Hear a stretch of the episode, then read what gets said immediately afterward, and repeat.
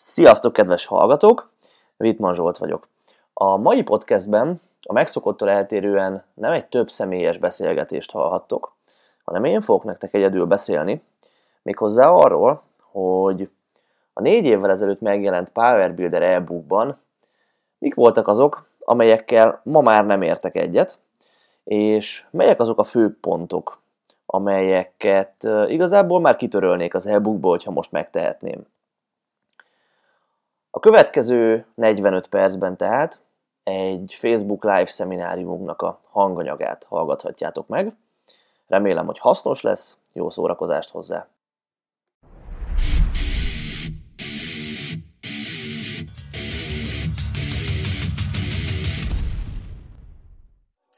A Power Builder e-bookot, amikor négy éve elkezdtem írni, akkor az volt vele a célom, hogy ugye még a most, a maitól egy nagyon eltérő közegben, egy olyan közegben, amikor a gyúrós edzés volt nagyon-nagyon divatos, és viszonylag kevés információ volt, viszonylag kevés minőségi információ volt napvilágon így a, az értelmes edzéssel kapcsolatban legyen az akár gyúrás, vagy erőnövelés, vagy bármi.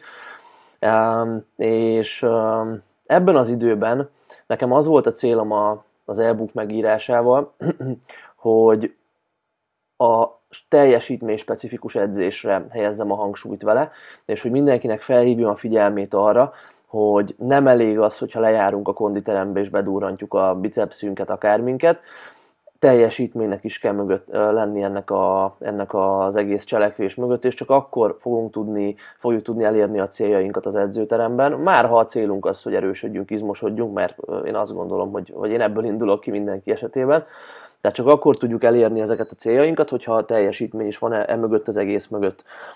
Ezt a teljesítményt azt gondolom, hogy az erőemelés sportjának bevonásával lehet a leginkább megtalálni ebben. Létezik még egy csomó olyan, olyan nagyon szép erős sport, amit érdemes lehet gyakorolni, mondjuk itt elsősorban a súlyemelésre gondolok, ami szintén tökéletes lehetne egy hasonlóra, de azt gondolom, hogy az erőemelés azért egy mindent vivő dolog akkor, hogyha ha teljesítményt szeretnénk keresni az edzéseink mögött, mert ez mindenki számára elérhető, nincs nagy eszközigénye, és igazából ez az erőemelő fogásnemeket, a hugolás, fekvőnyomás, felhúzást olyan különösebb előfeltételek nélkül és hatalmas technikai előképzettség nélkül és ilyen őrületes tornászokat meg szigyenű mobilitás nélkül is lehet végezni. Tehát ha úgy tetszik az átlag embereknek, most ilyen csúnya szóval élve, ez egy ilyen tökéletes tökéletes formája lett a teljesítmény. Na és erre szerettem volna felhívni a figyelmet az e-bookkal, és uh, igyekeztem úgy megírni ezt, hogy uh, hogy azok is találjanak benne használható információt, akik még most ismerkednek ezzel a területtel, és azok is, akik már haladóbbak egy kicsit az izomépítés, erőfejlesztés világában. És, és akkor bele is kezdenék abba jó, hogy uh, mik azok a dolgok, amiket én uh, most már uh, máshogy írnék ebben a könyvben, vagy a következő verzióban máshogy fogok.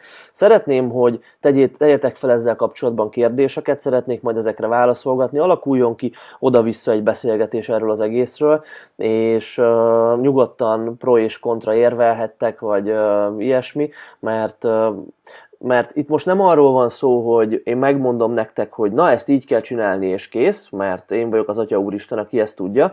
Az is a címe ennek, hogy amit máshogyan gondolok, tehát most éppen ez a véleményem a tudásom és tapasztalataim alapján, de aztán nem jelenti azt, ez nem jelenti azt, hogy ez a, ezek a mindent vívő, mindent vívő dolgok, és hogy ezt nem fogom négy év múlva hogy megint máshogy gondolni, mert azt gondolom, hogy csak zárójelesen az az edző, aki mondjuk az egy évvel vagy két évvel ezelőtt önmagára már nem mosolyog egy kicsit, és nem nézi az egy évvel ezelőtt írt programjait, úgyhogy hát igazából jó volt az úgy, de azért igazából mégsem annyira, és lehetne jobb is.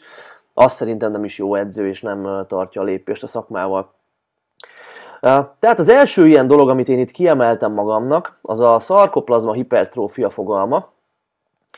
Ugye a könyvben úgy indítottunk, hogy létezik egy olyan, erő, egy olyan izomnövekedési módszer, ami funkcionális, amivel erős izmokat lehet építeni, és jó teljesítményt lehet építeni, és létezik egy olyan izomnövekedési módszer, ami kvázi non-funkcionális, és segítségével ilyen felfújt műizmokat lehet építeni.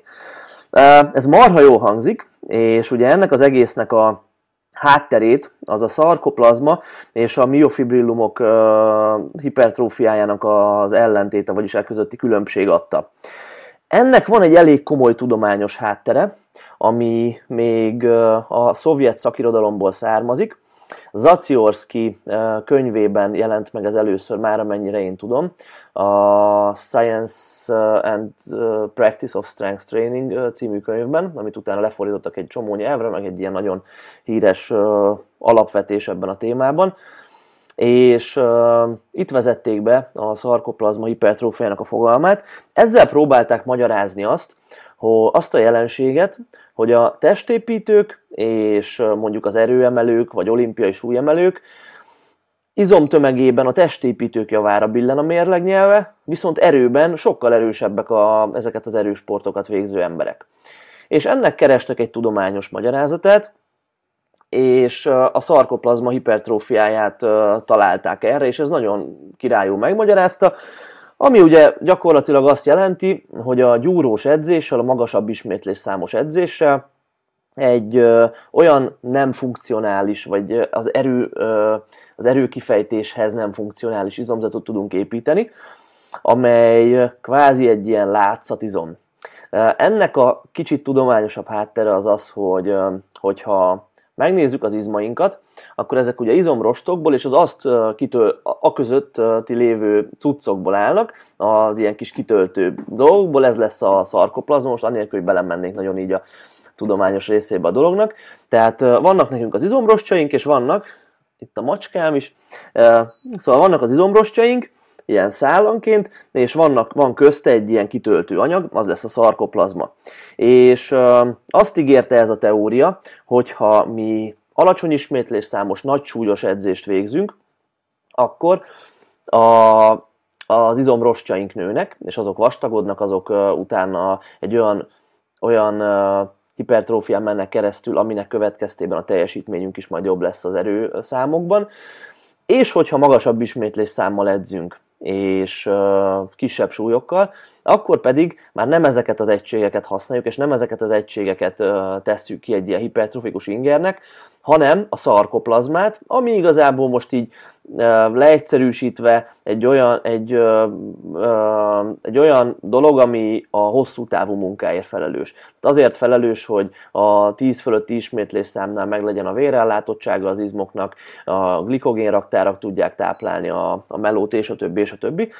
És tehát ez volt az alaptézis. Ez így tök jó hangzik, és lehet is azt mondani, hogy ja, hát végül is igen, mert a testépítők nem olyan erősek, mint a, az erőemelők, viszont izmosabbak, tehát valószínű, hogy mégis van valami különbség a kettőjük közötti izomtömegben. Viszont ezt a tudomány már kiderült, hogy nem, vagy csak nagyon kis mértékig támogatja.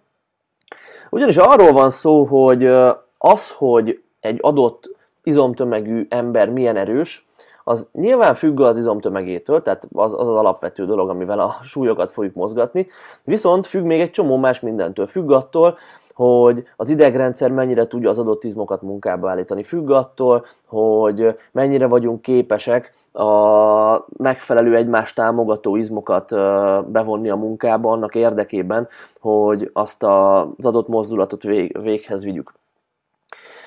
Függ a gyakorlástól, függ attól, hogy mennyire vagyunk magabiztosak a súly alatt, függ attól, hogy milyen a technikánk, hogy mennyire tudjuk a, az összes kis stabilizáló izmot, a, a, az összes stabilizáló izom munkáját kihasználva mozgatni a súlyt, és hogyha ezt így leegyszerűsítjük, akkor minél nagyobbak vagyunk, és minél többet gyakoroljuk az adott mozgást, annál jobbak leszünk abban a mozgásban, és annál erősebbek leszünk abban a mozgásban. Tehát ez sokkal jobban fogja magyarázni nekünk azt, hogy miért van különbség a testépítők és, és erős sportolóknak az erőszintje szintje között. És azért tegyük hozzá azt is, most abszolút nem fikázásba akarok itt elmenni, szerintem ez számotokra egyértelmű, tegyük hozzá azt is, hogy a testépítők erősek. Tehát most attól, hogy nem képes olyan hatékonysággal egy testépítő fekve nyomni vagy googolni, mint egy erőemelő, attól még az nem jelenti azt, hogy gyengék. Tehát, hogyha megnézzünk egy nagy tömeggel rendelkező testépítőt, akkor látjuk, hogy ő azért bizony elég nagy súlyokat mozgat. Lehet, hogy nem akkorát, mint egy hasonló tömeggel rendelkező, rendelkező erőemelő, de csupán azért, mert az erőemelő egy csomót gyakorolja azt, hogy hogy kell azt a nagy súlyt mozgatni, a testépítő meg nem gyakorolja azt. Tehát ezt inkább le lehet erre egyszerűsíteni. Tehát az, hogy a szarkoplazma vagy a miofibrillumok hipertrófiája jelentheti a különbséget ebben, az, az valószínűleg nem igaz. Nagyon kevés kutatás áll még rendelkezésünkre erről, és ne értsetek félre, nem az látszik ezekből, hogy nincs olyan, hogy az egyik vagy a másik nő, viszont az látszik nagyjából, hogy ezt nem lehet irányítani. Tehát adott edzéssel, amikor akár hármakkal edzünk, akár nyolcakkal edzünk, akár tizenkettőkkel edzünk, az izomtömegünket tudjuk növelni, és azzal, hogy az izom keresztmetszetét növeljük, azzal nőni, fognak, nőni fog nekünk az izomrostoknak a mérete is, és nőni fog a szarkoplazmának a mérete is, és ez nagyjából egy ilyen fix arányban. Talán nagyon minimális mértékben lehet a, nagyon minimális mértékben összefüggésben állhat az edzés metódusával az, hogy melyik milyen arányban van jelen, viszont ez messze nem ilyen mindent vivő dolog, tehát nem arról van szó, hogy ha én 12-kkel edzek, akkor csak a szarkoplazma fog nőni, vagy 90%-ban az, hogyha meg hármakkal, akkor egyáltalán nem fog nőni, hanem mind a kettő szépen növekedni fog, és erre az edzésre annyira nem lehetünk hatással. Tehát azt, hogy lehet haszontalan meg hasznos izmot építeni, az egy elég megmosolyogtató dolog most így utólag, és ezt felejtsétek el, ilyen nincsen. Hogyha izom épül, akkor az hasznos izom, tehát azt utána, ha úgy tetszik, meg tudjuk tanítani arra, hogy hogyan tudjon nagyobb súlyokat is mozgatni. És, és ez az első dolog, amit én így kiemelnék. Aztán majd, hogyha vannak kérdésétek ezzel kapcsolatban, akkor szívesen próbálok rá válaszolni. Jó, tehát nincs olyan, hogy haszontalan meg hasznos izom, minden izom hasznos, és igazából meg kell találnunk azt, gondolom, hogy kicsit belemenjünk így a praktikus dolgokba is, meg kell találnunk azt, hogy kinek milyen ismétlés tartomány válik be inkább az izomépítésre és az erőnövelésre. Vannak olyan emberek, akiknek a tanítványunk között ezt tök jól látjuk, vannak olyan emberek, akiknek a magas ismétlés számuk, ilyen 8-12, kevésbé hozzák a tömeget, Mármint most nem arról beszélek, hogy mennyire hízik be valaki, nyilván nem kevésbé látszik, hogy nő az izom a 8-12-es ismétlésektől, mint a mondjuk 5-7 ismétlésektől. Tehát ezt ki kell tapasztalni. Aztán van olyan, akinek ez pont fordítva van. Valószínű ez már izomrost összetételtől is függ, és még egy csomó ilyen egyéni dologtól. Lényeg az, hogy, hogy használjuk azt, ami ami, amit úgy, érez, úgy érezzük, hogy nekünk beválik. Viszont legyünk tisztában azzal, hogy az alacsony ismétlésekkel erőt mindenképpen fogunk építeni, a magas ismétlésekkel valószínű, hogy kevésbé, és ha izomépítésről van szó, akkor inkább egy ilyen öt ismétlés és a fölött próbáljunk maradni, a legtöbb esetben ez szokott beválni.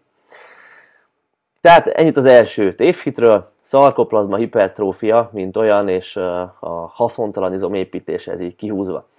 Következő dolog, a, egy másik nagyon kedves téma, az átmeneti bőjtölés, és ugye ezt a könyvben olyan néven illettem, hogy Power Builder Athlete Diet, és ez a, ez a kicsit haladóbb étrend volt, és én azt mondtam ezzel kapcsolatban a könyvben, hogy ez azoknak jó, akik már haladóbbak, és már nem tudnak hatalmas izomtömeget építeni, mert már ugye olyan edzésmúlt áll mögöttük, amely, amely miatt amely miatt lassabban fognak fejlődni, ugye minél haladóbbak vagyunk, annál lassabban fejlődünk, és emiatt nem jó ötlet a tömegelés diéta ciklusát ö, alkalmazni, hiszen amikor valaki tömegel, akkor egy csomó zsírt felszed, amikor diétázunk, akkor egy csomó izmot adunk le, és kicsit egy helyben toporoghatunk ezzel, és érdemesebb egy kicsit így meghekkelni a testünket, és, ö, és a átmeneti bőtölést alkalmazni, hiszen ennek egy sor pozitív hatása van. Nézzük, mik ezek a pozitív hatások, legalábbis az állításom szerint, és egyébként azok szerint, akiktől én ezeket tanultam. Um, itt most Martin Berkánnak a neve talán a legjelentősebb, ő a Lean Gains diétának a szószólója, és abban az időben egy ilyen 4-5 éve ő sokkal aktívabb volt, mint most, és ő, neki nagyon sok követője volt, nagyon sok publikációja, és ilyen meggyőző dolgokat írt, de még volt néhány pár ember, aki, aki hasonlóan, hasonlóan az átmeneti bőjtöléses diétákat hirdette. És a lényeg az, hogy az átmeneti bőjtöléses diéták ugye úgy néznek ki azok kedvére, akik most így nem emlékeznek a könyvből rá, vagy nem tudják, hogy a nap adott időszakában egy adott néhány óráig, na, csak kinyögöm, néhány órán keresztül nem vehetünk magunkhoz táplálékot, és a másik maradék időszakban pedig igen az, hogy hány óra az az időintervallum, amíg nem vehetünk magunkhoz táplálékot, és hány óra, amíg igen, az, a bőtől, az átmeneti bőtöléses diétáknak a, a az, az adott diétától függ, és minden szakembernek megvannak a kis kattanási, hogy mit javasol és miért. Én a könyvben azt javasoltam nektek, amit Martin Berkan is javasol, és Jay Ferrugiának volt egyébként még a Renegade Diet protokollja, és ő is ezt javasolta, hogy egy ilyen viszonylag lájtos bőjtölést alkalmazzunk, de az legyen olyan, hogy körülbelül egy 12-14, akár 16 órán át naponta nem eszünk, és a, és a maradék időre csoportosítjuk a kajánkat. Ugye nem ilyen harcosok étrendje nevű hülyeség, amikor az van, hogy csak egyetlen egyet ehetsz egész nap, és akkor ez majd meg fogja változtatni az életedet, és ilyen izé, hatalmas izomtömegű zsírtalan gépet csinál belőled, mert ez nyilván kamu hanem egy kicsit ilyen kiegyensúlyozottabb dolog, viszont a bőjt előnyeit kihasználva. Mik a bőjt előnyei? Ezt most mondom úgy, hogy ezt ne vegyétek készpénzek, mert ezt fogom majd mindjárt megcáfolni. Tehát mit állítanak azok, akik az átmeneti bőjtöléses diéta mellett érvelnek? Többek között azt, hogy amikor reggel nem veszünk magunkhoz táplálékot, tehát mondjuk este 10-kor megkajáltunk utoljára, onnantól ketyeg az óra 14 órán keresztül, és másnap délben eszünk először. Tehát amikor nem veszünk táplálékot magunkhoz 14 órán keresztül, és reggel nem reggelivel indítunk, akkor mivel az inzulin elválasztás nem fog beindulni ugye a reggeli uh, tápanyagbevitel miatt, ezért a növekedési hormon szintje egy kicsit magasabban lesz, a kortizol szint az kicsit magasabb lesz, és az a zsírt fogja égetni. És még egy sor dolog, amiben most így nem mennék bele, ezt a könyvben egy picit leírtam, de, de utána nézhettek, hogy ezek, ezek mik.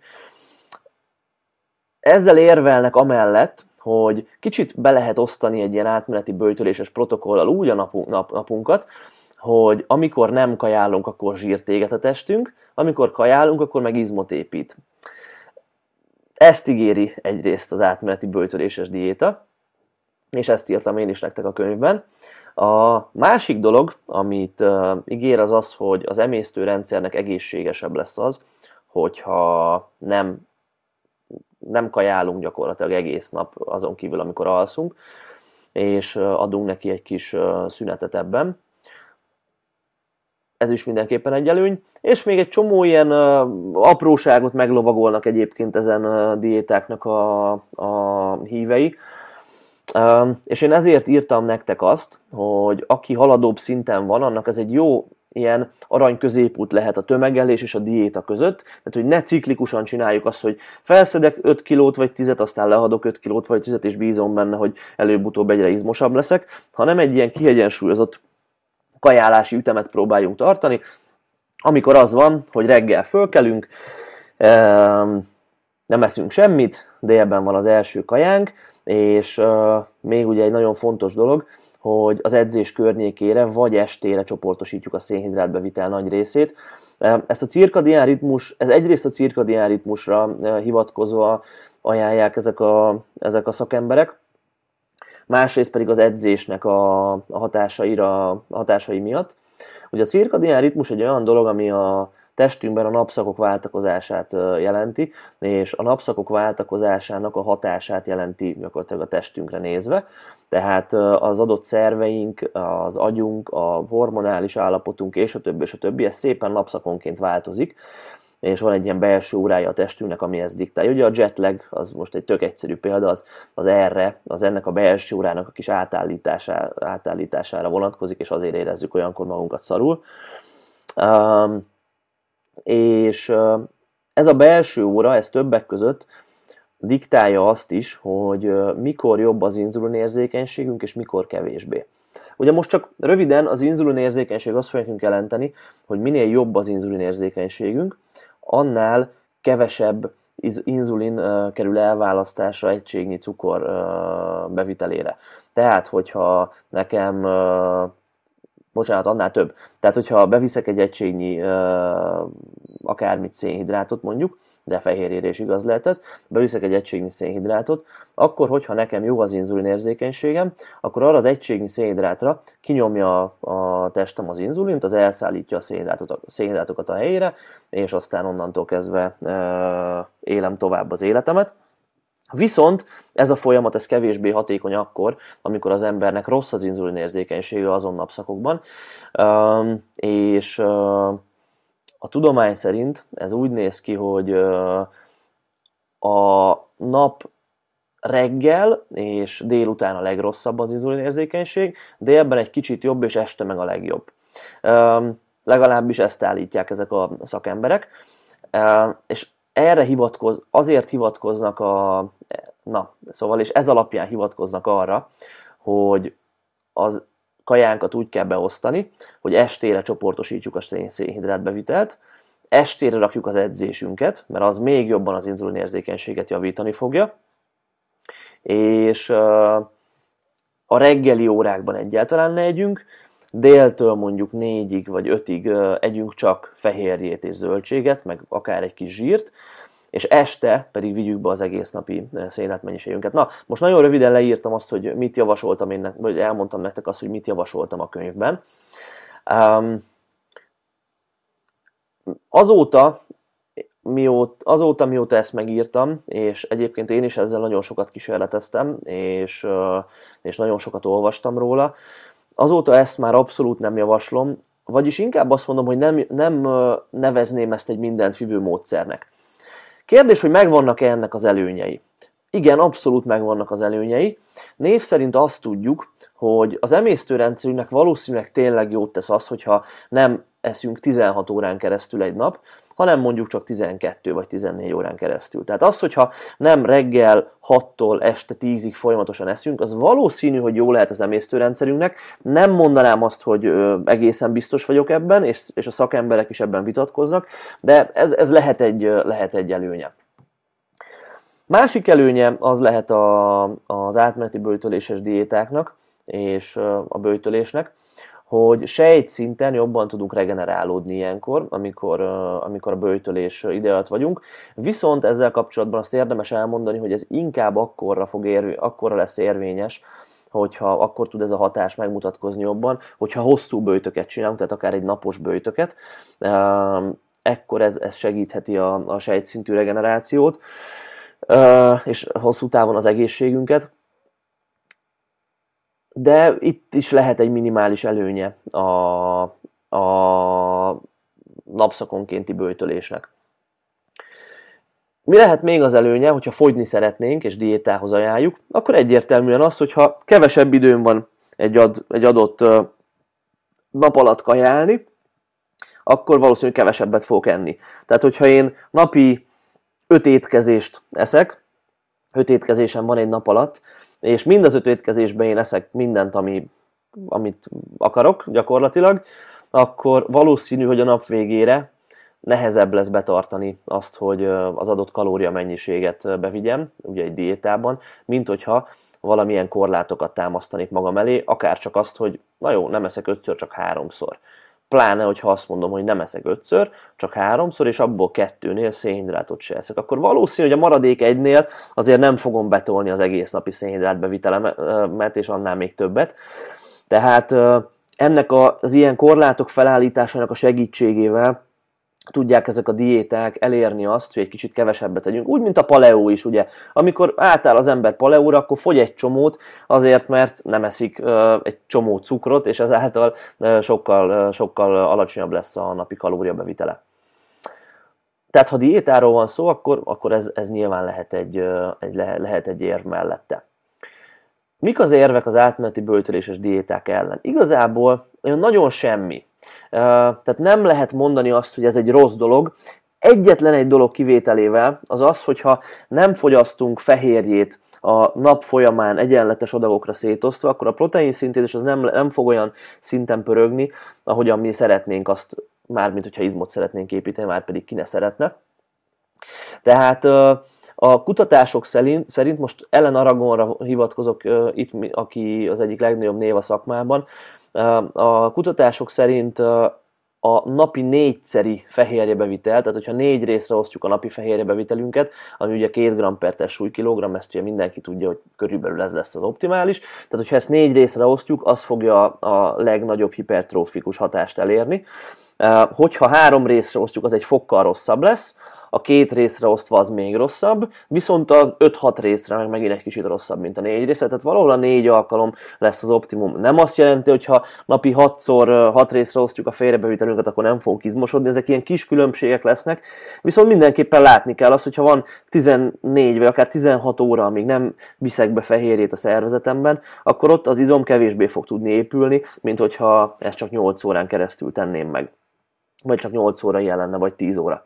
Tehát ez, ez lehet egy hátránya, illetve lehet még az a hátránya, amit én most itt inkább kiemelnék, hogy amikor az ember elolvassa, az, elolvas egy ilyen diétát, és azt mondja, hogy úristen, ez most belelkesültem, ez lesz a legkirályabb dolog, mert egyszerre fog izmosodni és zsírt veszteni, akkor megpróbálja ezt az ő életére adaptálni. És lehet, hogy egy olyan emberről van szó, egy csomó ilyen kérdést kaptam én, és hogy figyelj, nekem reggel kell edzeni. Most akkor hogy bőjtöljek?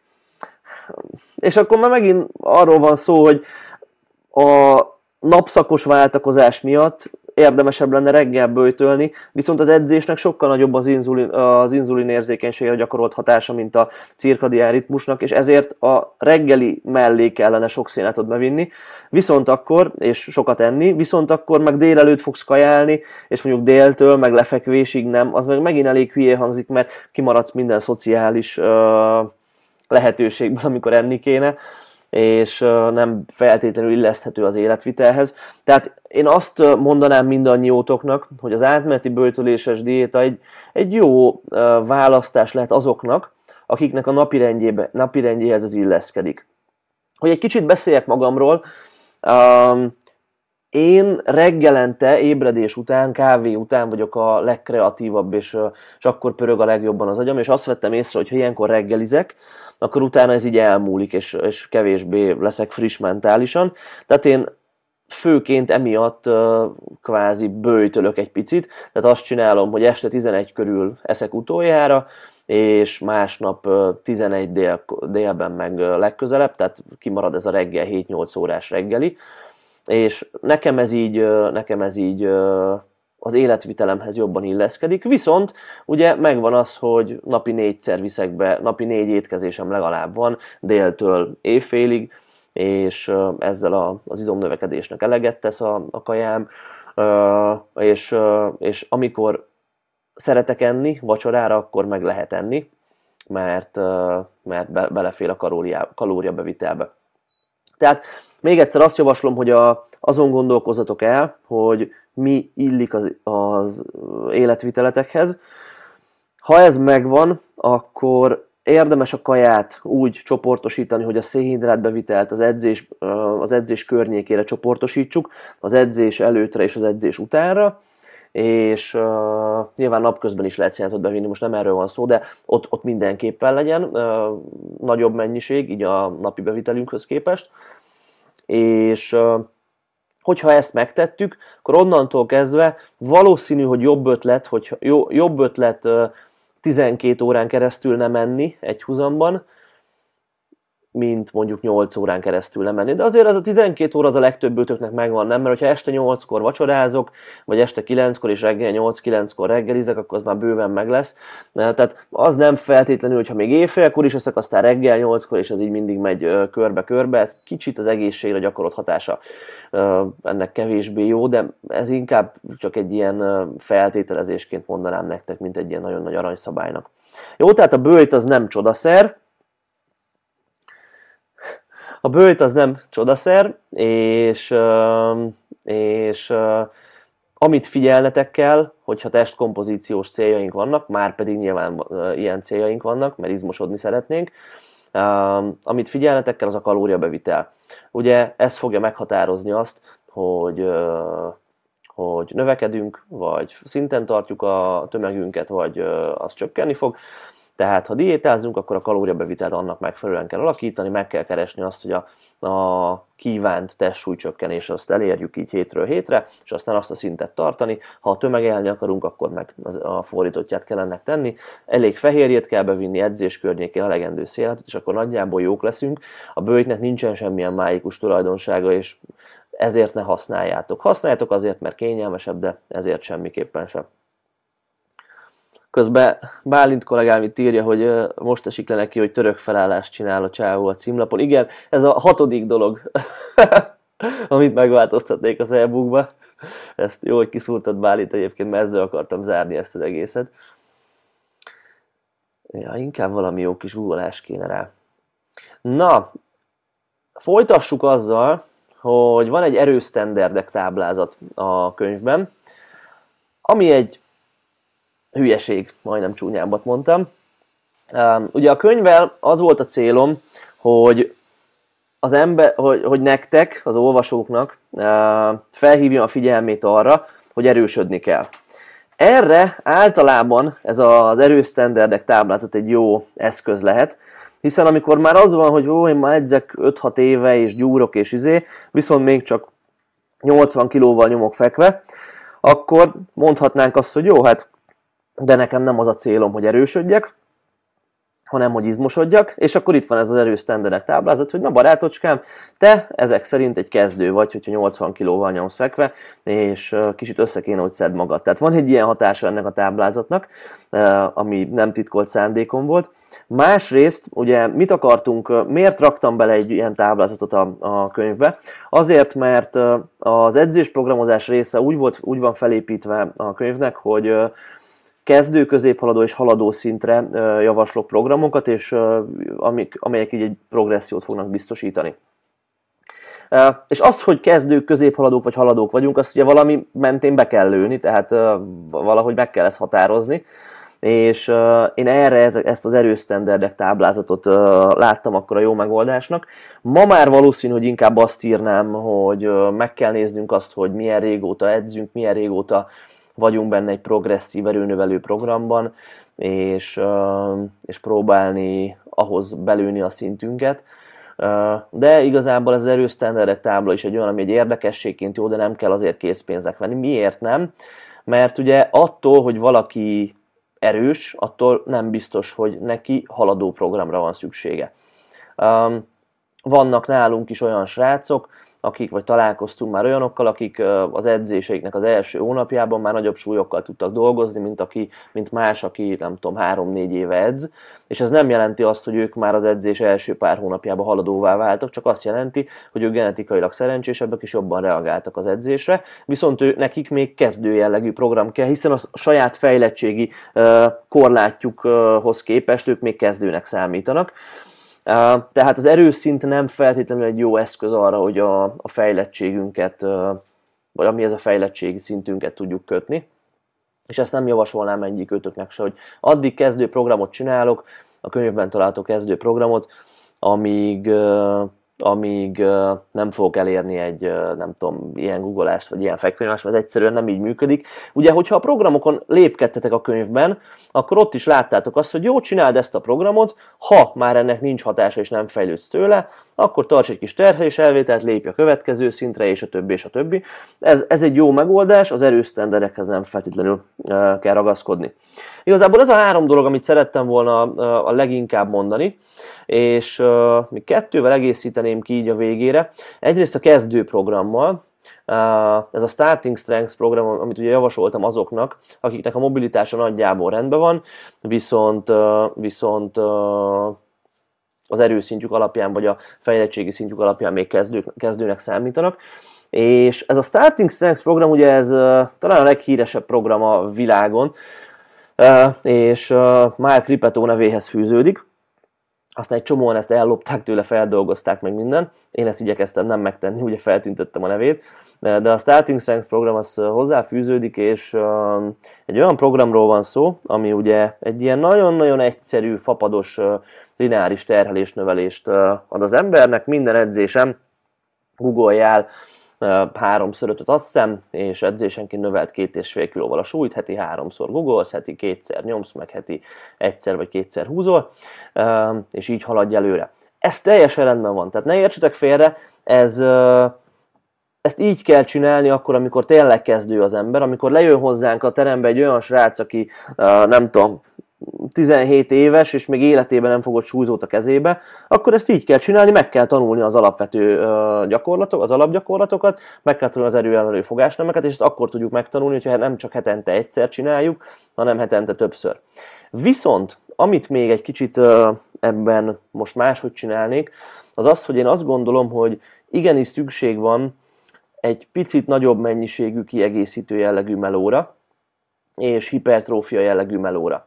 Gondolok itt olyan gyakorlatokra, amik nem feltétlenül annyira összetett gyakorlatok, mint egy googolás, fekvanyomás, felhúzás, hanem akár csak egy üzlet munkáját uh, igénybevevő gyakorlatok és, és ezek segítségével izmot építeni, még pluszban, mert nyilván a hugolás, fekvőnyás felhúzás fogja az izomtömeg nagy részét építeni, de még azokra az izomcsoportokra, amelyekre ezek egy kicsit kevesebb hatása vannak, azokra külön dolgozni, és egy általános ilyen, ilyen szélesebb repertoárt adni a, a gyakorlatokban. Tehát igenis kell heti egyszer mondjuk sétáló kitörést csinálni, igenis kell uh, nem, heti egyszer húzóckodni, fejfölé nyomni, néhányszor evezni, bicepszezni, és a többi, és a többi. Tehát egy kicsit nagyobb gyakorlat repertoárt adnék, vagy adunk mostanában a, a kezdő srácainknak, és a Starting Strengths program szerintem nem feltétlenül a legjobb választás akkor, hogyha a ez a célja, a,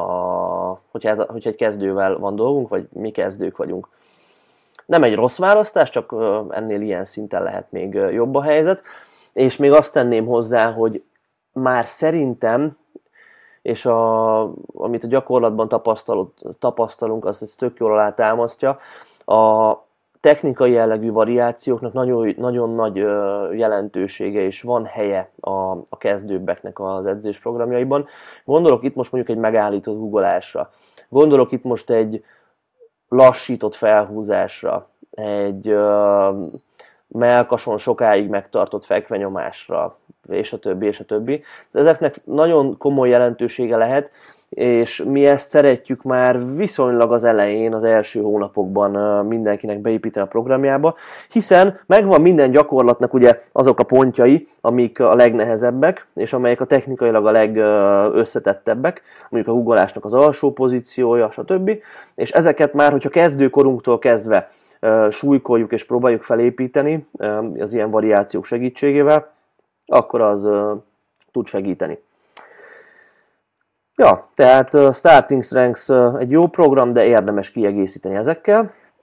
És én, amit még nem raknék bele, és ezzel zárnám is most már, az a Metcow program, uh, program ami ugye a, a könyvben a Starting Strengths és a Texas Method közötti uh, program szerepét tölti be, ugye a kezdő és a középhaladó uh, program között. A Metcow program egy olyan program egyébként, amit uh, mi azóta sem nagyon alkalmaztunk senkivel. Talán most már negyedik éve, hogy uh, létezik a Power Builder csapat, és, uh, és dolgozunk tanítványainkkal. Talán az első fél évben még néhányszor ezt alkalmaztuk, és utána egyszerűen arra jöttünk rá, hogy van ennél jobb opció. A Texas Methodre gondolok itt most elsősorban. Nagyon szeretünk Texas Method szerint programozni, de erről már csináltunk is egy, egy live szemináriumot, tehát azt YouTube, YouTube csatornán le lehet csekkolni meg van egy Texas metodös Power Builder edzésterv is, amit egy kicsit átalakítgattunk, hogyha ez érdekel valakit, akkor powerbuilder.hu per Texas, azt hiszem. Igen, tehát én azt gondolom, hogy ha elértük a, az ilyen nagyon-nagyon agresszív lineáris progressziónak a végét, amikor már az van, hogy tudom, háromszor ötökkel nem tudunk fölfele lépkedni, akkor onnantól kezdve a Texas Method egy jó következő lépcső lehet. Nem a kizárólagos következő lépcső, mi körülbelül mondjuk minden harmadik esetben folytatjuk ezzel, de ez nyilván egyénfüggő. De a Texas Method egy sokkal, sokkal jobban összerakott és eredményesebb program tud lenni azon a szinten, épp amikor a kezdőszintből már kiléptünk, mint a Metk, aminek elég kicsi az alkalmazott volumene, elég kevés szériát, elég kevés munkaszériát végzünk, elég kevés lehetőségünk adódik súlyokkal gyakorolni, és, és tökéletesíteni a mozgást, és úgy általánosságban én emiatt nem annyira kedvelem. Na ez az az öt dolog, a plusz egyel ugye együtt a török felálló figurával, ez az az öt dolog, amit én most már az e-bookban, hogyha most írnám, nem írnék bele semmiképpen. Azt gondolom egyébként, és ez látszik abból, hogy még mindig szoktam javasolni az e-book letöltését azoknak, akik most ismerkednek ezzel az egésszel. Azt gondolom, hogy javítsatok ki, hogyha nem értetek vele egyet, hogy megállja a helyét az e-bookban írtak még manapság is, és egy jó szemléletet tud adni azoknak az embereknek, akik kezdők ebben az egészben. De nem feltétlenül érdemes ezeket a részét készpénzek venni, inkább tényleg a szemlélet miatt érdemes elolvasni, és ha továbbadjátok, tovább külditek barátoknak, ismerősöknek, akárkinek, akkor családtagoknak, akkor azt megköszönöm. Tehát emiatt, emiatt ez egy hasznos dolog lehet, viszont már egy csomó olyan dolog van benne, ami idejét múlt egy picit, és majd egyszer ezen javítunk. Na, én megköszönöm, hogy itt voltatok velem. Megnézem még, hogy feljött-e itt valami, és hogyha valami kérdés bennetek maradt, akkor azt most lökjétek, jó, mert szeretnék egy kicsit még itt, itt maradni veletek, válaszolni rájuk akár ezzel kapcsolatban, amit mondtam, akár edzésprogramozással kapcsolatban, akár a Power Builder kupával, versenyzéssel, stb. Box jump kapcsolatban ne legyen kérdés. A YouTube-os nézőinktől elbúcsúzom, köszönöm szépen, hogy itt voltatok velem, szevasztok!